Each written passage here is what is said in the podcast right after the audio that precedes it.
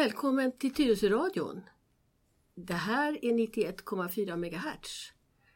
Och jag som pratar heter som vanligt Lena Hjelmerus och min parhäst sitter ju här också. Leif Bratt.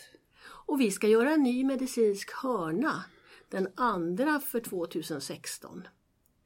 Och nu har jag tänkt ut ett väldigt spännande ämne Leif. Vet du vad vi ska prata om? Morden i midsommar. Nej, nej. nej, vi ska prata om benskörhetssjukdom. Eller om, om man nu inte vill vricka tungan på det så kan man säga osteoporos. Var det mindre tungvrickande tycker du?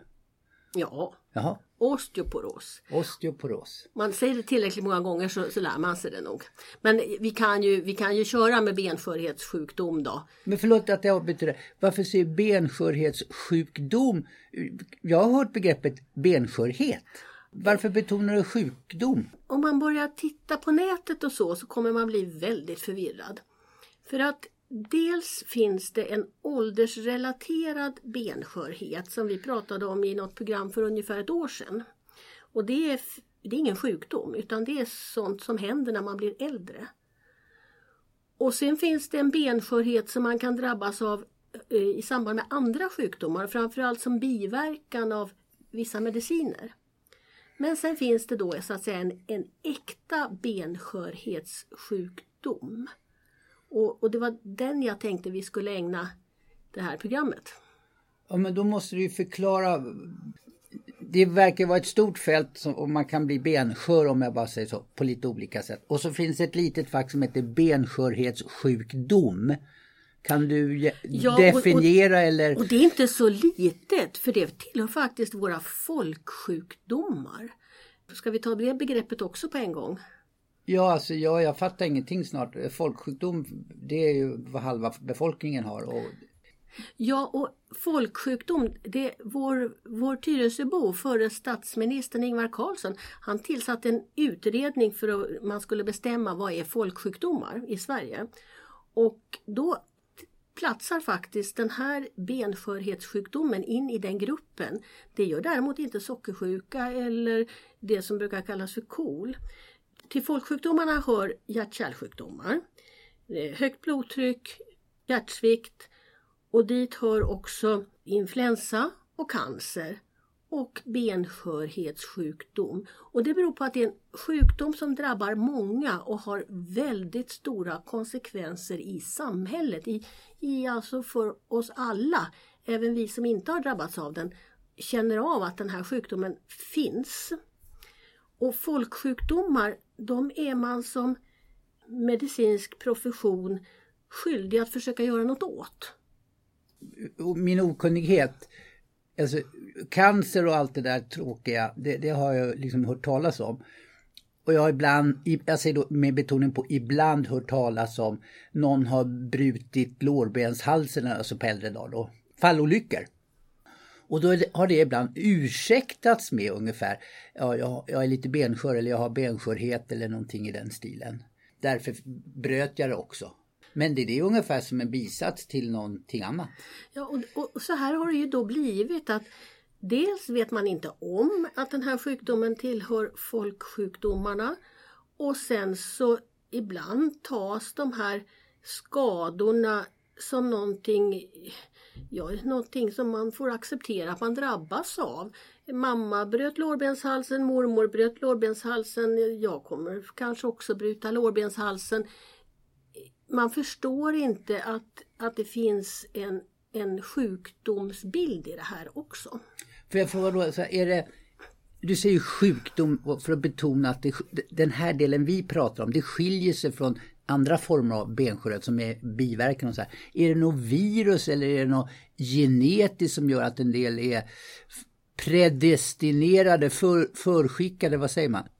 Det är skrivet i ens eh, loggbok att jag kommer bli, få benskörhetssjukdom eller bara dyker den upp? Ja, Det är lite grann som cancer. Man vet inte riktigt varför människor drabbas av det här.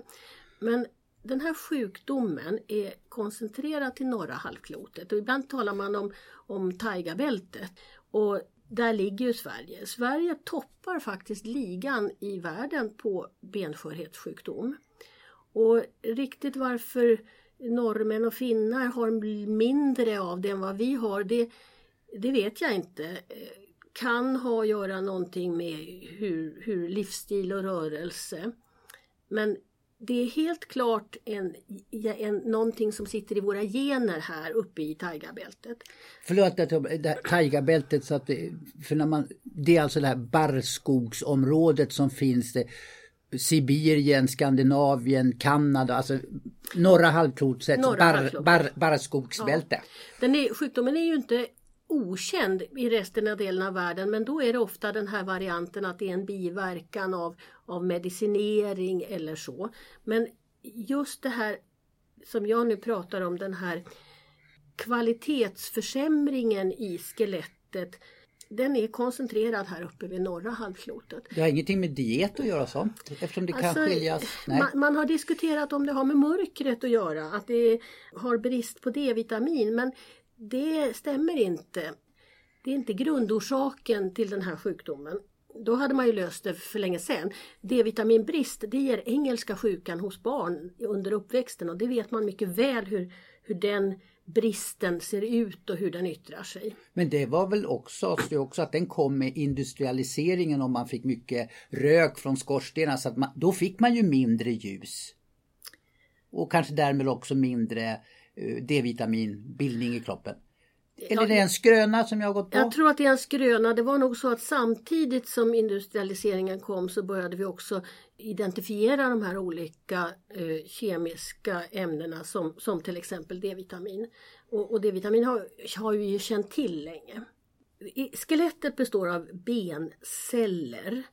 Sen finns det lite benmärg i skelettet också men det ska vi inte blanda in här för det är en annan, en, det har med blodet att göra de här bencellerna, det finns två sorter.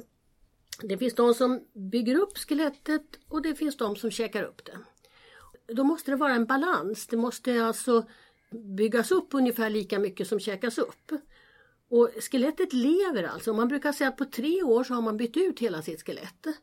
Det... Förutsatt att det är balans. Men de som har benskörhetssjukdom de har lite för aktiva benkäkare. Kannibaler? Ja. Och lite... Man äter ju sin egen art. Med, med, man har lite för, för dåliga bygg, byggare i sitt skelett så att det blir alltså en obalans. Det är sämre kvalitet på det som byggcellerna åstadkommer hos de som har den här sjukdomen. Och då sakta men säkert så sjunker man ihop och ja, blir kutryggig och eller hur märker man av det här? Ja, det är ju ungefär som cancer. Man märker ingenting förrän man bryter sig. Och eh, det är alltså en tyst folksjukdom. Och, och som du var inne på då att man blir kortare. Det är ett av de första tecknen på osteoporos att plötsligt så når man inte upp till kökshyllorna längre. Det här är en sjukdom som huvudsakligen drabbar kvinnor. Den kan drabba män men framförallt ska man nog säga att det är en, en kvinnosjukdom.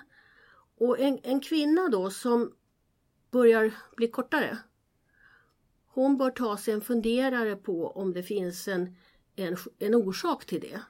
Det vill säga att hon har en, en benskörhetssjukdom. Och har hon då dessutom då i släkten, mamma, mormor, då tycker jag att då ska man nog eh, ta kontakt med sin vårdcentral innan man har brutit lårbenshalsen. Men, men alltså varför finns det någon förklaring på att det är en kvinnosjukdom? Ja, östrogen har betydelse för benbildningen. Då ska vi säga det är kvinnliga könshormonet. Ja, och det minskar ju efter, alltså efter att menstruationen har upphört, efter menopaus.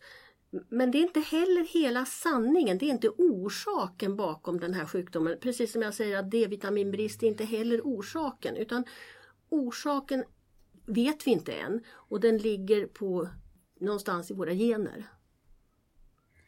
Ja, det, det, oblitt är eh, livets öde eller vad det nu heter. Nej, men alltså, det är inte mycket man kan göra åt det då. Man, alltså jag menar, man kommer ifrån men man kan behandla det.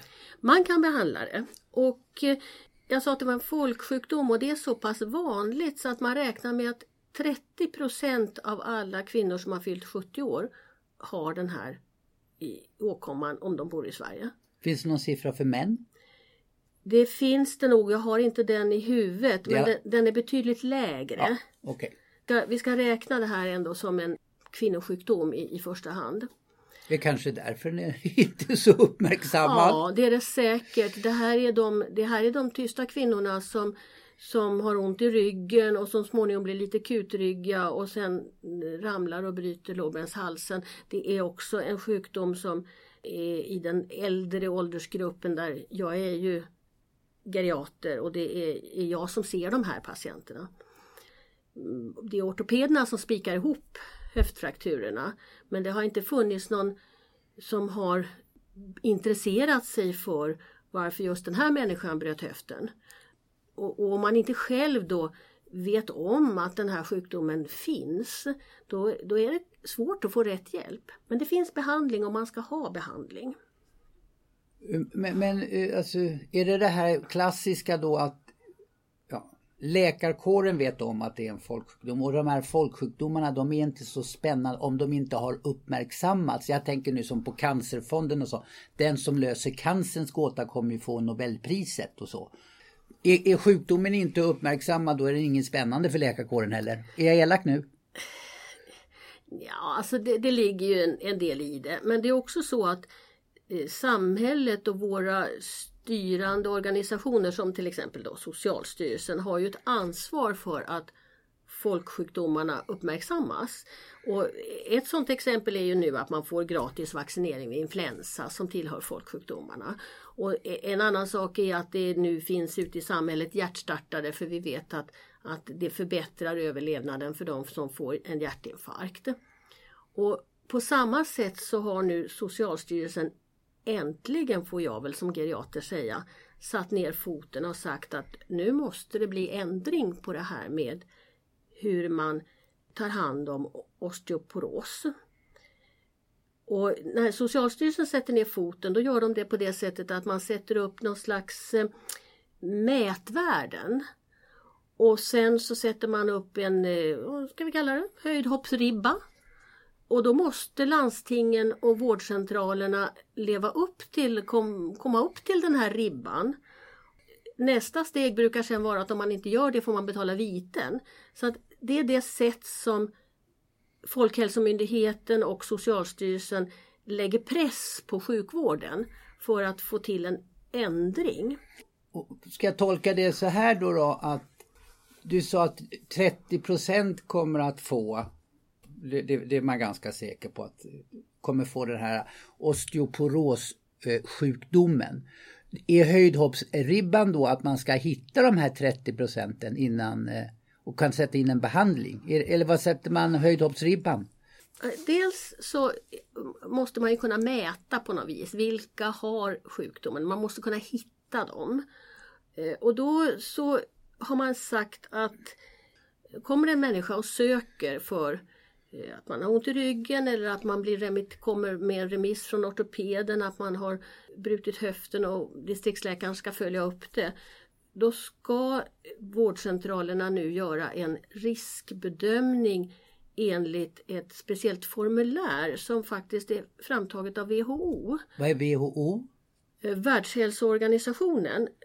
Den där eh, riskbedömningen den ligger numera ute på nätet så att distriktsläkaren sätter sig tillsammans med sin patient och prickar i ett formulär och då kan man direkt tillsammans se om det finns en frakturrisk eller inte. Och har man då ett visst värde så ska man få en, en behandling mot det här.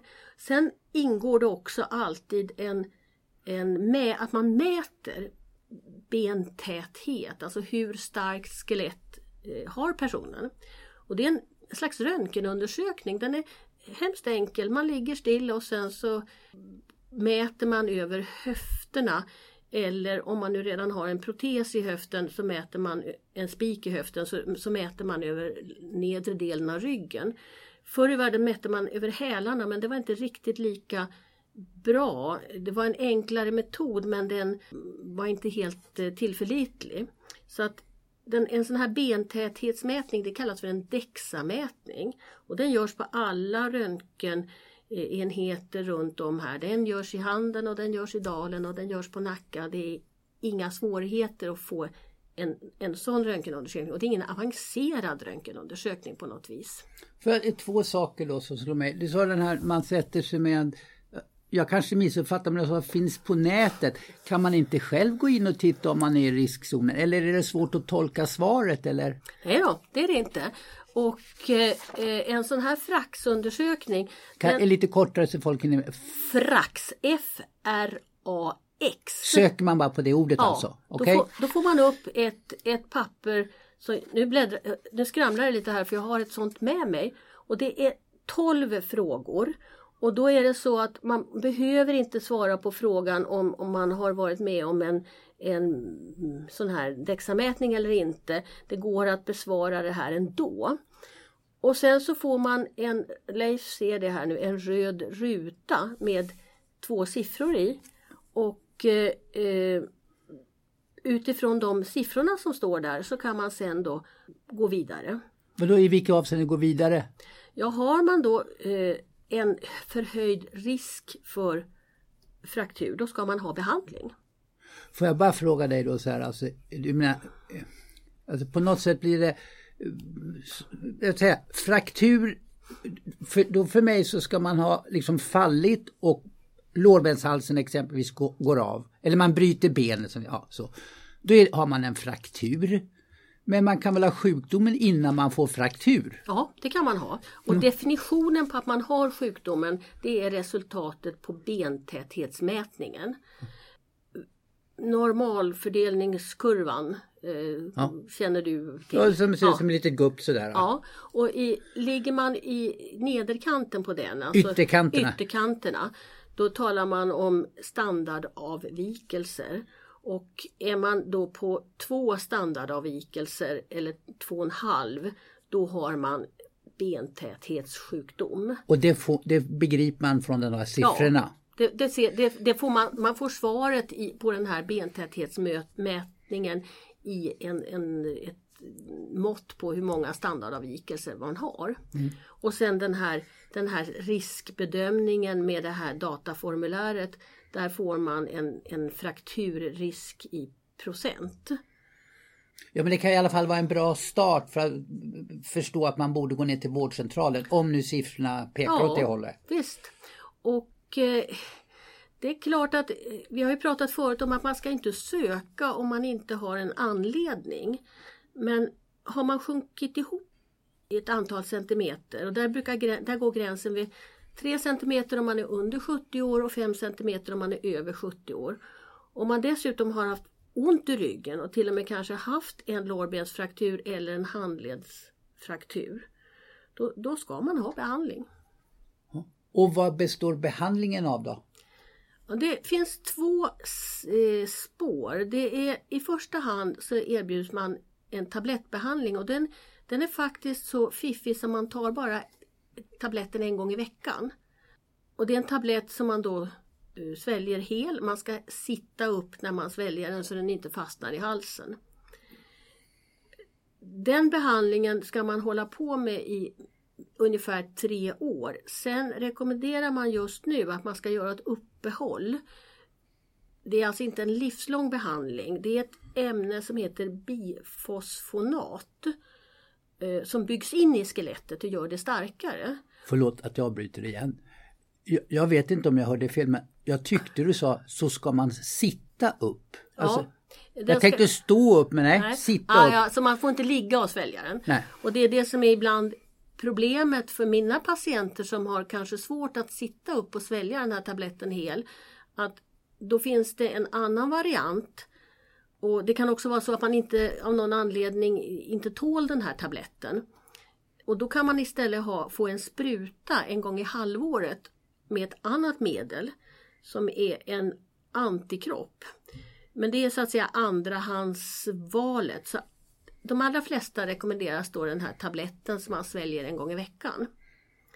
Sen finns det massa olika märken på den, de heter olika saker men det är de två principerna. Men den här då, eh, vad heter det, halvårs...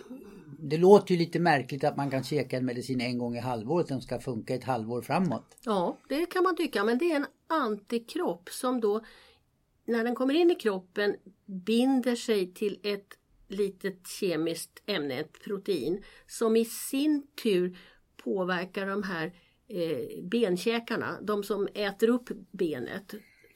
De var ju lite för aktiva hos den som har den här sjukdomen och då blir de lite mer normala och den effekten sitter i ungefär ett halvår. Men du sa det var andra, beror det på biverkningar då eller är det kostnader eller vad? Ja, det kanske är kostnader lite grann. Det är, men det är också så att det, för den som jag tänkte eftersom du förut sa ja. att av vissa mediciner så får man benskörhet. Så jag tänkte biverkansfrågan kanske ska i alla fall ja, belysas. Bägge de här sorterna har relativt lite biverkningar. Det som kan hända med den här sprutan det är att man får väldigt låga kalkvärden i blodet och man måste kolla dem lite grann i samband med att man får den här sprutan. Och sen gäller det att komma ihåg att man ska ha en ny spruta om ett halvår och det är inte heller alla som riktigt Nej. klarar det. Nej. Men vilken behandlingsväg, det, det, hjälper ju doktorn. Det är ju doktorn som väljer det och rekommenderar. Men du, får jag bara fråga dig då så här, i bekantskapskretsen så finns det ju folk som käkar kalk och D-vitamin, alltså någon sån här kombotablett. Ja. Det... Är det egenmedicinering? Det kommer man väl köpa på apoteket? Ja, man, vi kan väl säga att det är en äldre medicinering. Eh, alltså den, den innan man hade bestämt hur det ska vara idag med de här tabletterna eller sprutorna så hade man inte så mycket annat att välja på. Men det finns en övertro på det här med kalk och D-vitamin. Jag pratade om att Socialstyrelsen nu har börjat mäta olika saker och satt upp ribbor. Och då är det faktiskt så att man vill att förbrukningen av D-vitamin ska gå ner. Vi, har, vi, vi sätter i oss alldeles för mycket D-vitamin. Och man vill faktiskt att den ska halveras. Så det, det men, handlar om det, stora siffror. Men så låter det inte igen då i bekantskapskretsen. Speciellt bland, förlåt nu, alltså bland kvinnor. Så där pratar man ju om att de har sett i tidningen att eh, vi har alldeles för låga halter D-vitamin och ja, ät mer D-vitamin. Det är ju ungefär veckotidningens budskap. Mm. Som jag uppfattar det. Om, om, vi tar kalken först så får vi ju i Sverige får vi ju i oss eh, vi är ju ett mjölkdrickande folk och ett ostätande folk så vi får i oss kalk. Det är, det är väldigt ovanligt att man inte i sin mat får i sig tillräckligt med kalk. D-vitamin, det här är någonting där det finns en mycket, mycket stark läk eh, läkemedelslobby. Alltså läkemedelsföretag som vill sälja D-vitamin. Och man har annonserat i TV och man har annonserat i tidningar och man annonserar i, i hälsopress. Och på något vis så har D-vitamin blivit någon slags mirakelmedicin för alla möjliga saker som det inte finns någon som helst vetenskaplig grund för. Alltså jag vill ju hävda att det inte bara, eller jag får ju intrycket av att menar, en annons är en annons. Jag, jag får intrycket av att det är såna här hälsospalter och sånt som Alltså tilltron till en annons och dess sanningshalt, ja, de flesta kanske lite halvt tveksamma till. Alltså påstående, men eh, finns det redaktionell text som säger saker och ting så är det ju lättare att ta, ta till sig det som någon slags sanning. Ja, vi, vi läkare här i Stockholms läns landsting, vi har någonting som heter Kloka listan. Och en gång om året så har vi en hel dag när man får information om vad som gäller just nu och jag ska gå på det eh, nästa vecka och höra. Och två år i rad, alltså både 2014 och 2015, så har budskapet i D-vitaminfrågan varit att vi ska inte behandla med D-vitamin. Och det finns mycket klara riktlinjer för oss läkare i Stockholm att, att vi ska inte gå på den här läkemedelsreklamen. Men sen är det ju så att, att folk köper saker receptfritt. Det är inte förbjudet att köpa D-vitamin.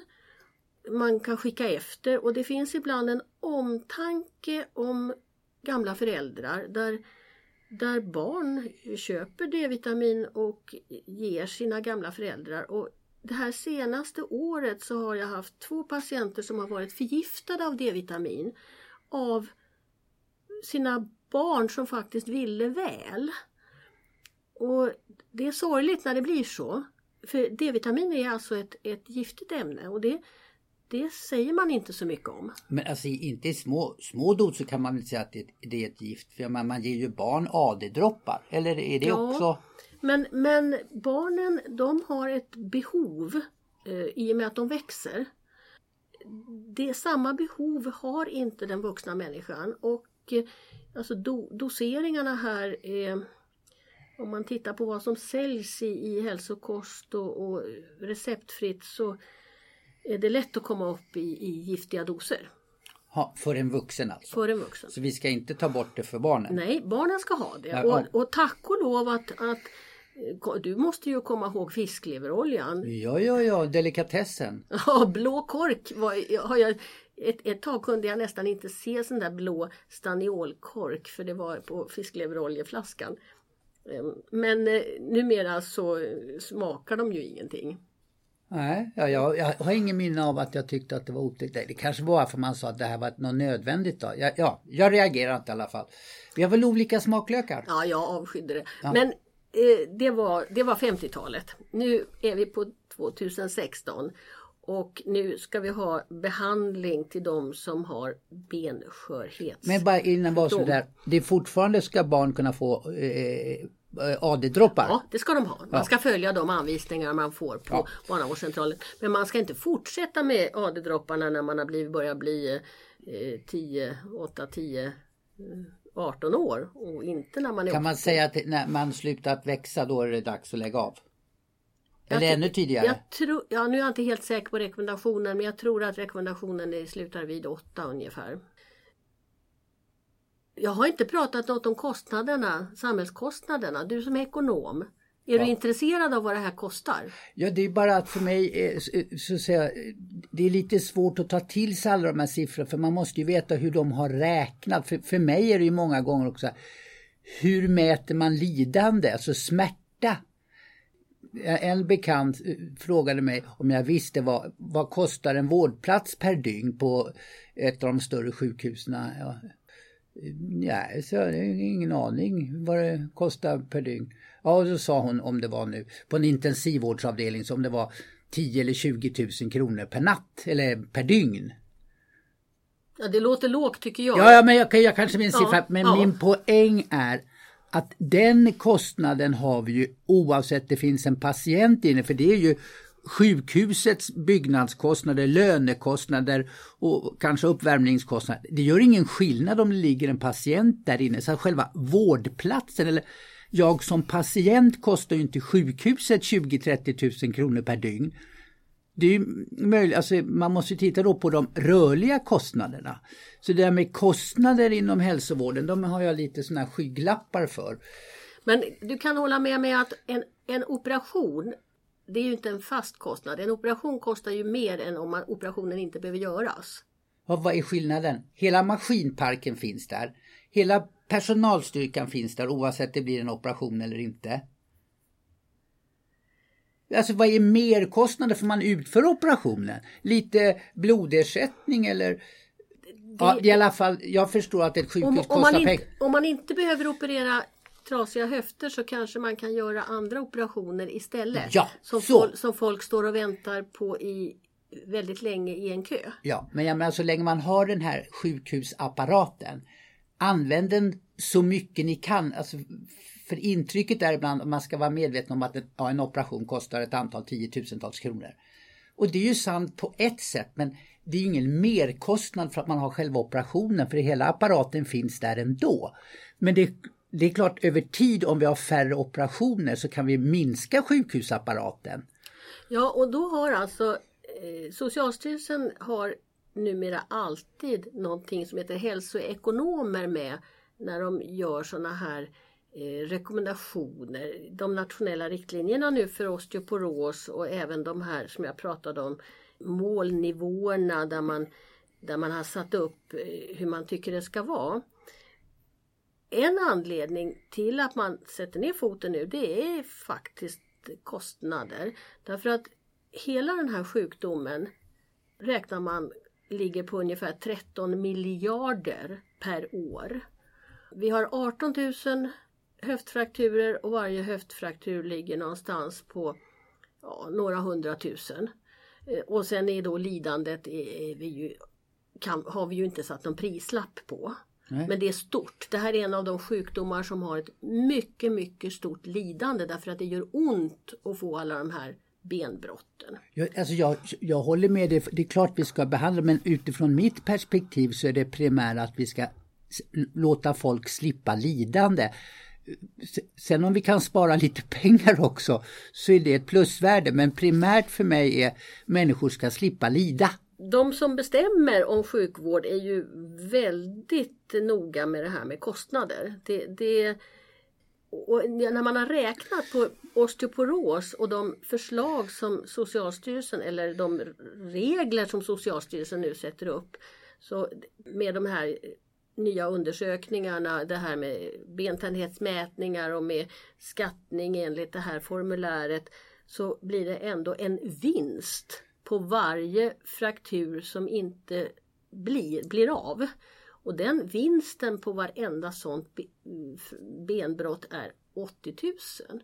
Och det är en ganska bra vinst. Ja absolut. Och det är det jag säger att över tid om vi med eh, alltså, vad kallar profylax eller vad proaktiva ge behandling så folk slipper bryta benen eller få ryggont och så vidare så kan vi ju minska sjukhusapparaten över tiden.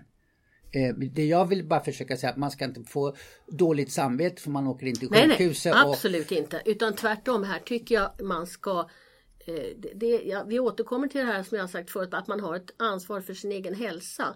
Och vet man att man är en person som kanske har osteoporos eller riskerar att drabbas av det så ska man nog försöka förebygga så mycket som möjligt. Och ett sätt att förebygga det är ju faktiskt nu då att utnyttja kommunens eh, erbjudande till alla som har fyllt 80 år att få gratis broddar. Och jag träffade eh, MAS häromdagen. MAS? Medicinskt ansvarig sjuksköterska. Hon heter Kaja Partanen och hon är en kommunal tjänsteman här i Tyresö kommun. Och hon berättade för mig att det var kö utanför serviceenheten här nere i centrum då när man släppte det här med broddarna.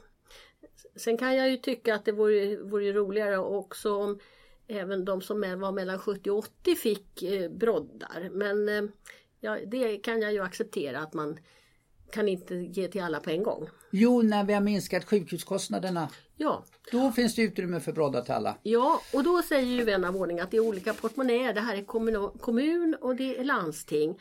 Men när det gäller fallolyckor så är det kommunens ansvar. Det är kommunen som ska se till att det är sandat, att det inte är isigt, att det inte är hål i trottoarerna som man snubblar på. Och det är fallolyckorna brukar man räkna alltså till kommunens ansvar. Men finns det några påföljder om kommunen inte sand... Om, om jag nu ramlar omkull på en isig trottoar här i kommunen. Kommer landstingen skicka en räkning till kommunen? Ja, de har ju hittills inte gjort det men eh, det är en intressant fråga. Jag, jag... Det är ju min uppgift att ställa ja, de intressanta alltså Det är du frågorna. som brukar intervjua politikerna, både landstings och, och, kommunpolitikerna. Du får ta upp det med dem nästa ja, gång. här. Vad, om landstinget har skickat någon räkning. Nej, för det, det eh, hörde jag ju talas om då, den här eh, tvisten eller vad vi nu ska kalla det för. Man kallar medicinskt färdigbehandlad. Alltså landstingen vill ju bli av med personen från sjukhuset så fort som möjligt. Medan kommunen då vill inte ha någon omsorg om den här. Så de sa nej det är inte färdigbehandlat och så landstinget sa jo det är det och sen blev man osams om det där. Ja det blir man fortfarande. Eh, det är en av de absolut svåraste frågorna. Vem som har tolkningsföreträde det där är en lång historia. Det får vi nog prata med, med Maskaja Vartanen ja. om någon gång. Några frågor till om det här med benskörhet. Man kan se det att man blir kortare eller det går ja, kanske lite, ett par centimeter då, då ska man kolla upp det. Och man kan gå in på nätet och kolla, vad heter en frax eller vad heter ja, det? Frax. Frax ja. Och få en indikation själv. Eh, gå till vårdcentralen. För det finns behandling och då slipper man onödigt lidande och på sikt kan vi få ner landstingets kostnader. Och Har jag fattat rätt? Alldeles rätt. Och även om jag vet att man lägger ytterligare en börda på vårdcentralerna som har mycket att göra så är det nog så att har man bättre omhändertagande av de här patienterna man riskerar inte att få de här straffåtgärderna som nästan alltid kommer när Socialstyrelsen har lagt ett regelverk och sen vill att det ska följas upp. Så att en, en klok vårdcentral de inrättar ju någon form av eh, grupp för just det här. Det, det finns idag i, i Stockholms läns landsting tre specialmottagningar för osteoporos. Det finns en på Huddinge, en på SÖS och en på Södertälje. Märk nu att det finns ingen på Karolinska, det finns ingen på Danderyd, det finns ingen alls i norra Stockholm. Förut så fanns det osteoporosmottagningar även på de geriatriska klinikerna. Men i de senaste överenskommelserna mellan landstinget och, och de som är beställare så eh, har man inte längre speciella osteoporosmottagningar. Det är alltså en sorglig utveckling. Att istället för att ha byggt ut den här verksamheten så har man dragit in den. Men vi har vårdcentralerna som är första instans. De är första instans. Det finns en slags eh, vad ska jag säga, handbok för distriktsläkare där det står precis vad man ska göra med olika sjukdomar. Och där finns det ett väldigt bra eh, dokument om, om vad man gör om det kommer någon som eh, söker för benskörhet. Jag tänkte på det här, det finns ingen sån här blodprov man kan ta. Jag tänker som eh, prostata så pratar man ju om PSA. Det finns inget sånt? Nej, man, det, nej. det finns inget sätt att med blodprov mäta hur balansen i skelettet är. Utan det är en röntgen, alltså den här DEXA-mätningen, bentäthetsmätningen, ja. det är den som är den avgörande. Men det kan man säga, det är ungefär som en slags röntgenundersökning fast ett annat instrument ja, man använder. Eh, på den tiden vi hade tuberkulos, då, då hade vi skärmbilder. Ja.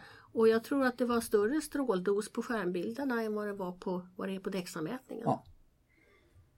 Ja, då får vi hoppas att vi i Tyresö har bidragit till mindre lidande om folk nu gör som vi säger, går till vårdcentralen om de har de här indikationerna. Ja.